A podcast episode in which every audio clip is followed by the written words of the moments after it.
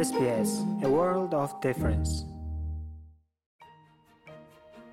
Сайн байцгаана уу сонсогчдоо. Өнөөдрийн хэлбэрөөрөө коронавирусын эсрэг вакцины хүртээмжийн талаарх мэдээллийг хүргэж байна. Дэлхийн хэмжээнд хүмүүс эхнээсээ COVID-19 цар тахлын эсрэг вакцинд хамрагдаж ирсэн нь вакцины хөгжүүлэлтийн шинжилгээ ухааны хувьд түүхэн тэмдэглэгдэхүйц 7 хоног болж өнгөрлөө. Одоогоор Монгол улсын хувьд Дэлхийн эрүүл мэндийн байгууллагын дэмжлэгтэй COVAX төлөвлөгөөгөөр вакцины авна гэсэн үлээлттэй байгаа. Гэвч хүн бүр вакцинд хамрагдаж чадахгүй нь гэдэг санаа зовж буй хүмүүсийн нэг нь Зимбабве дахь хүний дархал хомслын вирусын мэрэгжилтэн Луис Чинганду юм.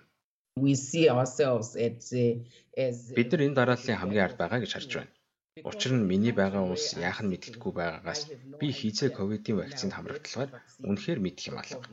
Харин би өнөөдөр халдвар авбал үхгүй гэх газар алгаа. Хатагта Чинганду бол Харарит төвтэй Safe AIDS байгууллагын гүйцэтгэх захирал юм.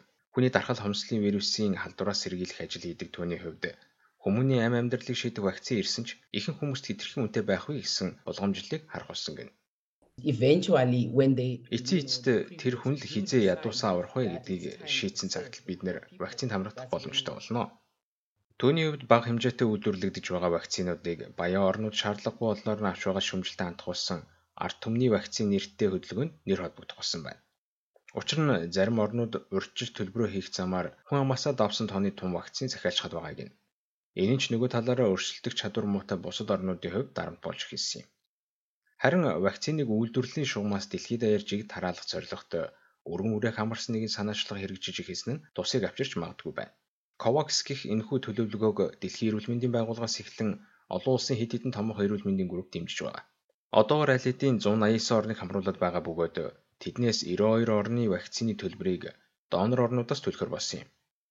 Харин Мексик зэрэг бусад орнуудын хувьд вакцины төлбөрөө бие даан төлөхөр болж байгаа. Ийхүү бие даан хилцээ хийх нь багцаар хүсэлт гаргаснаас ч илүү дээр байх магадaltaй гэнэ.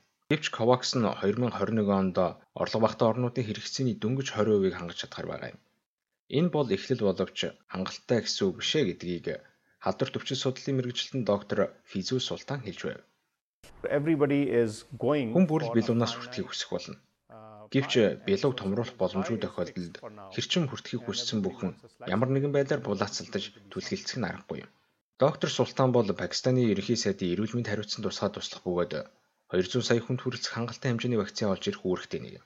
Түүний хувьд үндсэн вакцины үйлдвэрлэгчдтэй яриа хэлцээ хийж байгаач одоогоор ганц ч тун вакцины авч чадаагүй байна.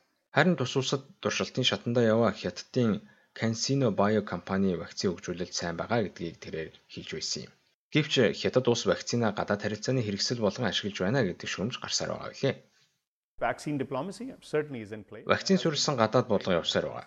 Сүүлийн олон сарын турш юм байсан гэж бодож байна. Эдгээр явцын дунд эвлэлд нь нэгдэх явдалч гарч байгаа. Харин бидний хувьд энэхүү геополитикийн хүрээнээс давж ажиллахыг л хичээж байна.